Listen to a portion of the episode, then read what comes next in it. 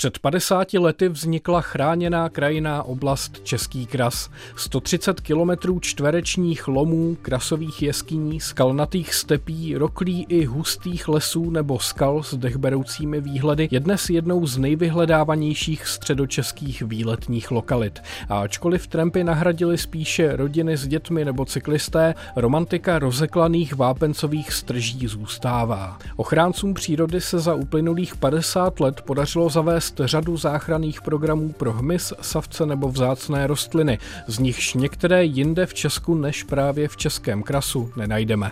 V dnešní natuře si popovídáme také o tom, co obnášelo vyhlášení HKO v dobách tvrdé normalizace.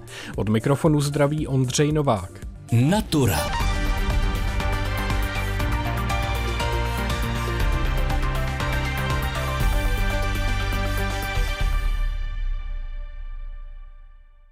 Českém krasu najdeme skoro 700 jeskyní a bezpočet vápencových lomů, které pomohly odkrýt bohaté fosilní nálezy, vypovídající o tom, jak vypadal život před stovkami milionů let. Kromě skamenělin a neživé přírody, ale v Českém krasu najdeme i třeba 20 druhů lučních a lesních orchidejí. A jak říká vedoucí zprávy HKO Český kras František Pojer, ochranáři se snaží ohroženým druhům pomoct prostřednictvím záchranných programů. Když bychom vyhodnotili těch 50 let od roku 72 do roku 22, ten účinek ochrany je různý, ale eh, je to z části obecným vývojem přírody, znamená klimatická změna, velká změna v krajině i v lese a něco se nám daří zachraňovat díky takzvaným záchranným programům nebo regionálním akčním plánům. E, já bych zmínil asi možná nejdřív to, co se nám zatím nedaří, ale doufám, že se to posune a to je sisel obecný, to je druh, který před 50 lety byl víceméně škůdcem zemědělského hospodaření, téměř vymizel a v posledních deseti letech už máme jenom jednu lokalitu, která je Sisli u Loděnice. Tam to vypadalo docela dobře, před těmi deseti lety tam bylo možná 40-50 jedinců, ale v posledních asi pěti, šesti letech to klesalo a v tom loňském roce už tam bylo jenom několik jedinců a tak v rámci záchranného programu pro celou Českou republiku byli přivezeni od jinut a vypustili jsme 20 jedinců a ještě v letošním roce bude dalších 20 a pak ještě 20. Takže to je taková zatím situace, o které nevíme ještě, jestli to bylo úspěšné. Ono to vypadá, že přivezeme sisly a pustíme je ven, nebo dáme někde housenky nebo eh, vajíčka motýlů a že to bude v pořádku. Ale aby tohle mohlo nastat, tak je potřeba nejdřív připravit tu lokalitu, zejména hmyz, musí tam mít tu živnou rostlinu a pro ty sisly tam je zase zásadní, aby ta lokalita byla buď vysečená nebo vypasená, takže eh, zásadní je vždycky, aby ta lokalita byla připravená k tomu, aby tam eh, se vlastně vrátil ten biotop a aby to bylo pro ty druhy přirozené. Když přejdeme k motýlům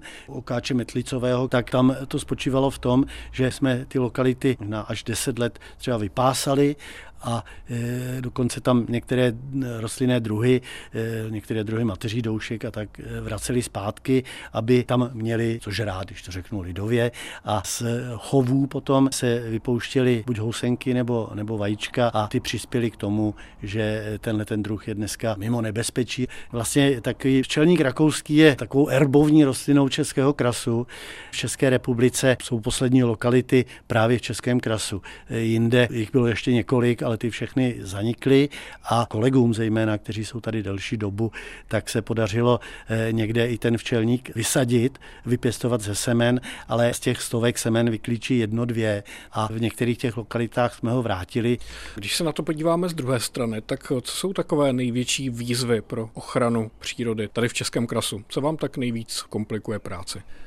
Podle zákona máme posuzovat krajný ráz a to se potom dotýká i obcí a výstavy v jednotlivých vesnicích. Dokonce máme několik vesnic, kde hranice vede po silnici skrz vesnici a ta část, která není v HKO, tak tam jsou mnohdy zcela zvláštní stavby, zatímco v té části, která je v HKO, kde my se k tomu vyjadřujeme a snažíme se doporučit těm lidem, aby to udělali blížším způsobem té tradiční venkovské zástavby. Neříkám, že jsme na to rezignovali, ale v těch satelitech, které jsou blíž k Praze, tam tam je to mnohem obtížnější, ale naopak zase v těch vesnicích, které jsou v srdci Českého krasu nebo v tom centru, nebo ty, které jsou zároveň i památkově chráněné, ať už je to ten svatý Jan, Karlštejn, Tetín, tak tam se snažíme tohleto udržet a je to na té krajině i právě po těch 50 letech tohle působení vidět. Český kras je také blízko Prahy, takže je to vyhledávaná výletní lokalita. Představuje i třeba velká návštěvnost nějakou zátěž pro ochranu přírody a případně další práci pro vás? Tady musím říct, že nejsme ani my v rámci ochrany přírody úplně ve shodě. Někteří kolegové říkají, že to příliš nevadí, že ta disturbance, to znamená rozrušení třeba drnů nebo vyšlapání cest, že je prospěšné pro některé druhy, ať už rostlin nebo živočichů. A ten vliv turistů je významný, ale myslím si, že v územích, jako je Český kras, který je tak blízko Prahy, a my říkáme, že chráníme přírodu pro lidi, takže je nemůžeme vyhánět. Takže eh, my ani dnes spíš naopak se snažíme vymezit další cesty nebo další stezky, kudy ti lidé mohou jít a jsou opravdu jenom drobné nebo menší lokality z hlediska teda rozsahu, kam by se teda skutečně nemělo chodit, protože sešlapávání okrajů skal je docela problém. Je to vidět na té skále u kříže ve svatém Janu pod skalou. Tam prostě se nedá nic dělat, protože tam chodí tisíce lidí ročně, ale v těch odlehlejších místech nebo tam, kde je to mimo ta hlavní centra pohybu turistů, tak tam to celkem prosperuje. Péče o přírodu tady v Českém krasu trvá tedy už 50 let. Co plánujete dál? Jaké máte další projekty v plánu? Jedna z věcí je usměrnění lomů a lomové činnosti. Tady je vápenec. Nikde jinde v České republice nebo v Čechách, zejména není takovéhle ložisko vápenců a ten vápenec se využívá a těží se tady. Ty menší lomy se zapojují do přírody sami od sebe po těch desetiletích, kdy už jsou opuštěné a ty velké lomy už dneska, ty dohody vznikly, řekněme kolem roku 2010, ta významná nejcennější část se vyhlásila za maloplošná chráněná území přírodní rezervace nebo národní přírodní rezervace a památky a ta méně významná méně cená část bude pak sloužit k tomu, že ten další lom se tam pravděpodobně otevře. Ale důležité je to, že ten opuštěný lom, což bude v řádu desetiletí ještě asi, tak eh, je už dneska buď ty výsypky, anebo i ty etáže toho lomu jsou tvarovány tak, aby vypadaly trochu přirozeně a aby se tam ta příroda mohla navrátit sama. Takové to vysazování borovic do řádků a to, to už se neuplatňuje plošně. V některých místech samozřejmě ano, protože někde musí vzniknout nějaká krycí zóna, ale přímo v těch lomech, na těch etážích, tam se ta příroda vrátí sama a poměrně rychle. Z hlediska lidského života je to řádu třeba desítek let a máme příklady, kdy prostě ty lomy jsou pak ohniskem biodiverzity v té krajině, která je jinak poměrně stejná díky tomu zemědělskému hospodaření nebo nakonec i lesnímu hospodaření. V Českém krasu najdeme bezpočet nádherných míst. Jaké je podle vás nejhezčí? Kam chodíte nejraději? Já mám asi nejradši bučiny, které jsou tady, protože to je taková chrámová bučina. Je jich tady málo a e, v té jedné shodou okolností mý oblíbený čápy černí, ale v Českém krasu jsou nádherné výhledy. Že když vyjdete na Zlatý kůň, tak tam vidíte na jednu stranu do Prahy, pak vidíte významnou část Českého krasu, ale když se podíváte směrem na západ, tak tam vidíte chráněnou krajinou oblast Křivoklácko, ale zároveň Český kras skrývá ještě různá zákoutí nebo ty staré lomy, které byly ještě donedávna takovým typickým trampským místem. Vysvětluje vedoucí zprávy HKO František Pojer. Dodejme také, že zpráva připravuje otevření nového návštěvnického centra u koně pruských jeskyní a také dvě nové naučné stezky kolem lomů Amerika. Kromě přírodního bohatství ale Český kras ukrývá i řadu historických a kulturních hodnot. Jde o kulturní krajinu silně ovlivněnou člověkem. Například v Kotské jeskyni se našly důkazy o pobytu lidí už ve středním paleolitu. Ochraně a popularizaci popularizaci českého krasu se už desítky let věnuje učitel Emil Schneidauf. Jsou to místa, které jsou zajímavé jak přírodně, tak historicky, tak kulturně. Jsou to třeba ta klasická místa, jako je třeba Zlatý kůň návrší, který je spojen s tou živou přírodou, která tady se nachází, to znamená skalní stepy, především květena zajímavá, teplomilné trávníky. A potom skály. Je tady vlastně pravěký korálový útes, který vznikl tady před 410 miliony let ve spodním Devonu. A my tady můžeme dokonce v houbově lomu si sebrat nějakou skamenělinu je to jedna z světově největších paleontologických lokalit. Tady to období takzvaných starších prvohor. Bylo tady popsáno z tohoto místa víc než 500 druhů různých skamenělin. Ale o to ani tak nejde. Pro běžného člověka spíš se vyplatí to, že si tady můžete v té suti zvyhnout kamínek a budete mít na památku doma nějakého zajímavého tvora skamenělého, který vám toto místo bude připomínat. Další takové místo je Tetín, který je spojen s naší historií, se svatou Ludmilou.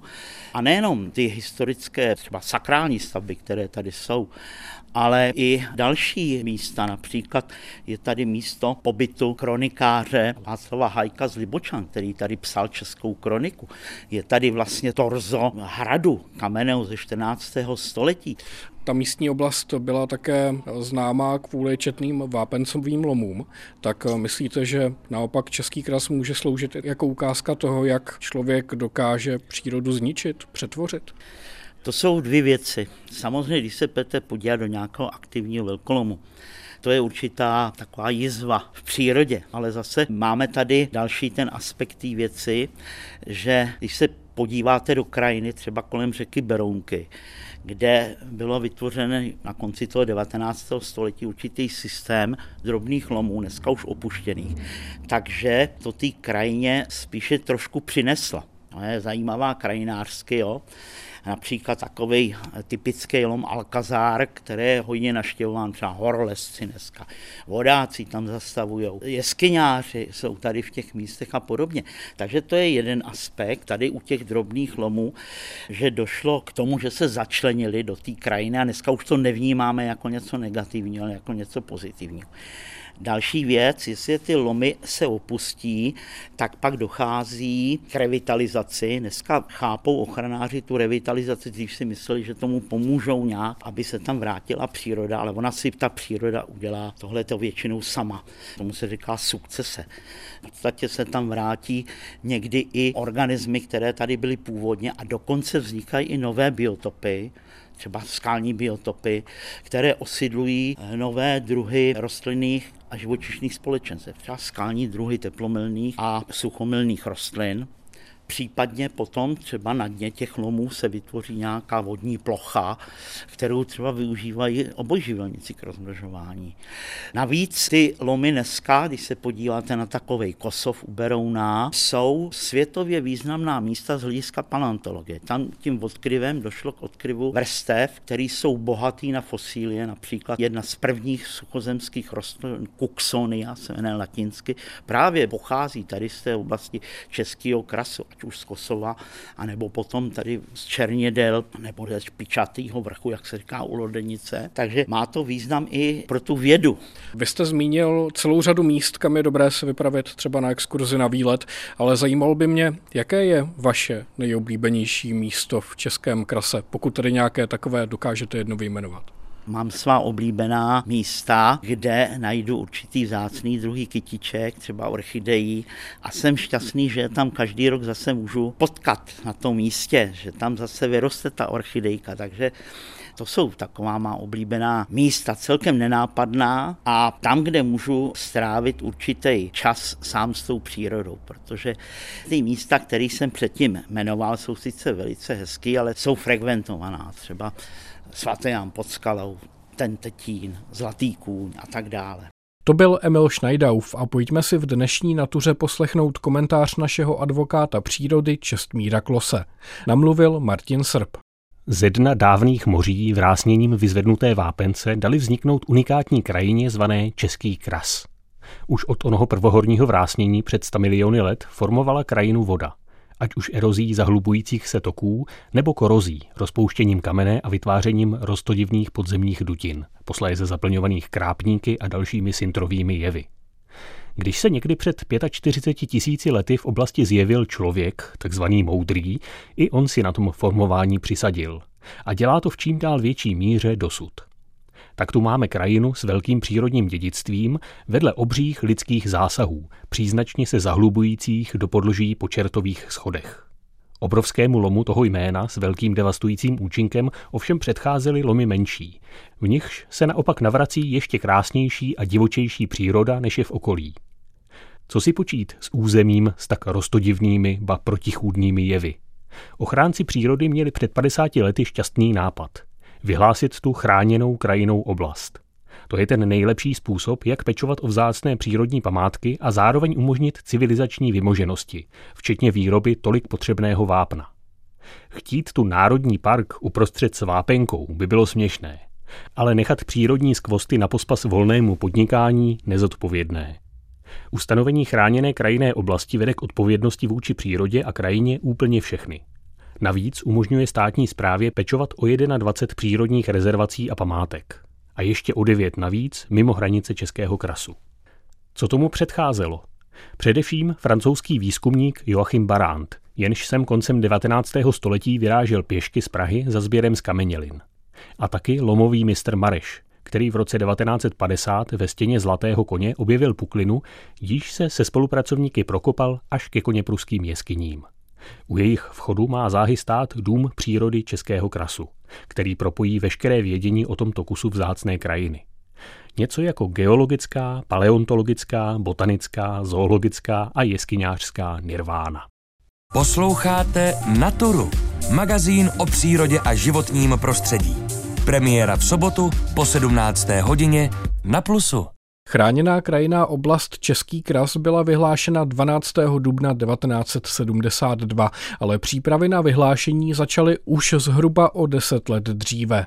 U zrodu HKO stál Petr Moucha, který se po vyhlášení také stal na dvě desítky let jejím vedoucím. Jak Petr Moucha vzpomíná, ochrana přírody v časech tvrdé normalizace nebyla jednoduchá a nejtěžší domluva podle něj byla se zemědělci. Chráněná krajinná oblast vznikla dnem vyhlášení v dubnu 1972, ale předcházelo ji deset let zhruba prací v přírodovědských průzkumech, hodnocení, jednání samozřejmě s občanama, s obcema, podnikama, který tady hospodaří, zemědělskýma podnikama, tehdy JZD. Já jsem u toho vlastně fungoval až od roku 1970 jako pracovník krajského střediska státní památkové péče a ochrany přírody Českého kraje. A v roce 1972 jsem eh, se vstal takovým pseudovedoucím, protože jsem tím vedením byl pověřený, ale byl jsem na to sám. Pak postupně tady přibyli další pracovníci. No a jinak vyhlášení byl v podstatě takový eh, administrativní akt, Občanům to nevadilo, ale mělo to nebo má to do dneska jako řadu eh, zvláštností. Jednak je, je to sevřený mezi hlavní město Prahu a aglomerací Králů Beroun, takže odtud z Prahy sem proudí řada návštěvníků z Berouna a Králova dvora, hlavně z Králova dvora sem proudili i mise, který poškozovali přírodu. To se podařilo časem do dnešní doby dost výrazně vylepšit nebo až napravit, ale návštěvnost od té doby neustále roste. Dříve byla sezóní, v podstatě na jaře, na podzim, v létě, když bylo moc horko, tak jsem moc lidí nejezdili, jezdili k vodě, ale dneska je celoroční. Lidi jsou taky vybavený automobilama, na to tady není dostatek parkovacích ploch, takže samozřejmě dělají přestupky. Vy jste zmiňoval, že před tím vyhlášením bylo potřeba se domluvit se spoustou zainteresovaných subjektů, jako právě různé státní podniky, místní, zemědělci, kamenolomy. Přece jenom ta ekonomická činnost tady v té oblasti byla vždycky velmi silná. Jak velké pochopení teda pro ochranu přírody jste nacházeli mezi těmito subjekty, hlavně tedy těmi ekonomickými? No, řekl bych, že ze začátku velmi malý pochopení, ale i časem trpělivou jakousi vysvětlovací činností a vzájemnou komunikací jsme našli nějaké kompromisní řešení, zejména s těžařema eh, vápenců. To dokonce došlo v dnešní době už teda mimo můj vliv tak daleko, že se vzdali v čertových schodech, teda v Koněprusích, části dobývacího prostoru, je tam vyhlášená přírodní rezervace dokonce. I pokud jde o rekultivace těch ploch, se hledalo řešení a někde se docela úspěšně našlo. Takže horší jednání bylo se zemědělskými závodama. To velká kapacitní zemědělství celkem necitlivě zlikvidovalo volně rostoucí zeleň, rozvorali cesty, meze, vykáceli dřeviny, které byly, i když musím říct, že pokud jde o výskyt mimo les rostoucích dřevin, že je tady těch dřevin víc, než bylo, ale na jiných místech, než by bylo potřeba. A s některýma obcema, zejména zejména tady na Beronsku jsme měli docela dobrou komunikaci, horší to bylo na Praze Západ, kde některý obce se jako spřečovali hrozně. Já nebudu je jmenovat, ale do dneska tam není úplně optimální ta spolupráce. Myslivci byli zvyklí, že co má křivej zobák, se musí zastřelit. To pominulo celkem, teďka je klid a jako s tím tady problémy nejsou. Nemám tady žádné zkušenosti, že by se tady vyskytovaly otravy některých dravců a vidra tady sice žije na Berounce, sice ale na divokých vodách rybářům teda vadí, ale nedělá jim výrazné škody. Bohužel vymizely některé druhy. Ze zajíců se staly zácný kožešinový zvířata. Se tady lovili několik tisíc zajíců na celém okrese a dneska se jich tady loví pár desítek. No. Jestli můžu ještě otázku na ten vznik. Předpokládám, že v té době bylo potřeba získat i náklonost politických představitelů, členů strany. Zase, jak těžké je bylo přesvědčit o tom, že ochrana přírody tady na této lokalitě má smysl nebo větší smysl než ta ekonomická činnost? Já jsem teda nikdy nebyl v žádné straně a nějak to nechápali jako politický jako problém, jako zkoumali mě, spozdali jako moji osobu, když jsem se stal vedoucím, tak jsem se dověděl pak, že byly nějaké kontakty přes okresní výbor strany a já jsem tady zakládal Český svaz ochránců přijede okresní organizaci, tak to se trochu zajímali, ale neměli jsme s tím problémy, i když to vyhlášení bylo v období tuhý normalizace. Jo. V tomhle si myslím, že strana a vláda v uvozovkách řečeno, že to považovala za takový neškodný, kladný řešení. Vy jste tedy odešel ze zprávy HKO Český kras v roce 1990, ale přece jenom věnoval jste tomu 20 let života, tak předpokládám, že jste se sem vracel i poté. V čem se tedy podle vás za těch uplynulých 50 let ta situace v Českém krase zlepšila nejvíc? Čemu nejvíc to vyhlášení HKO prospělo?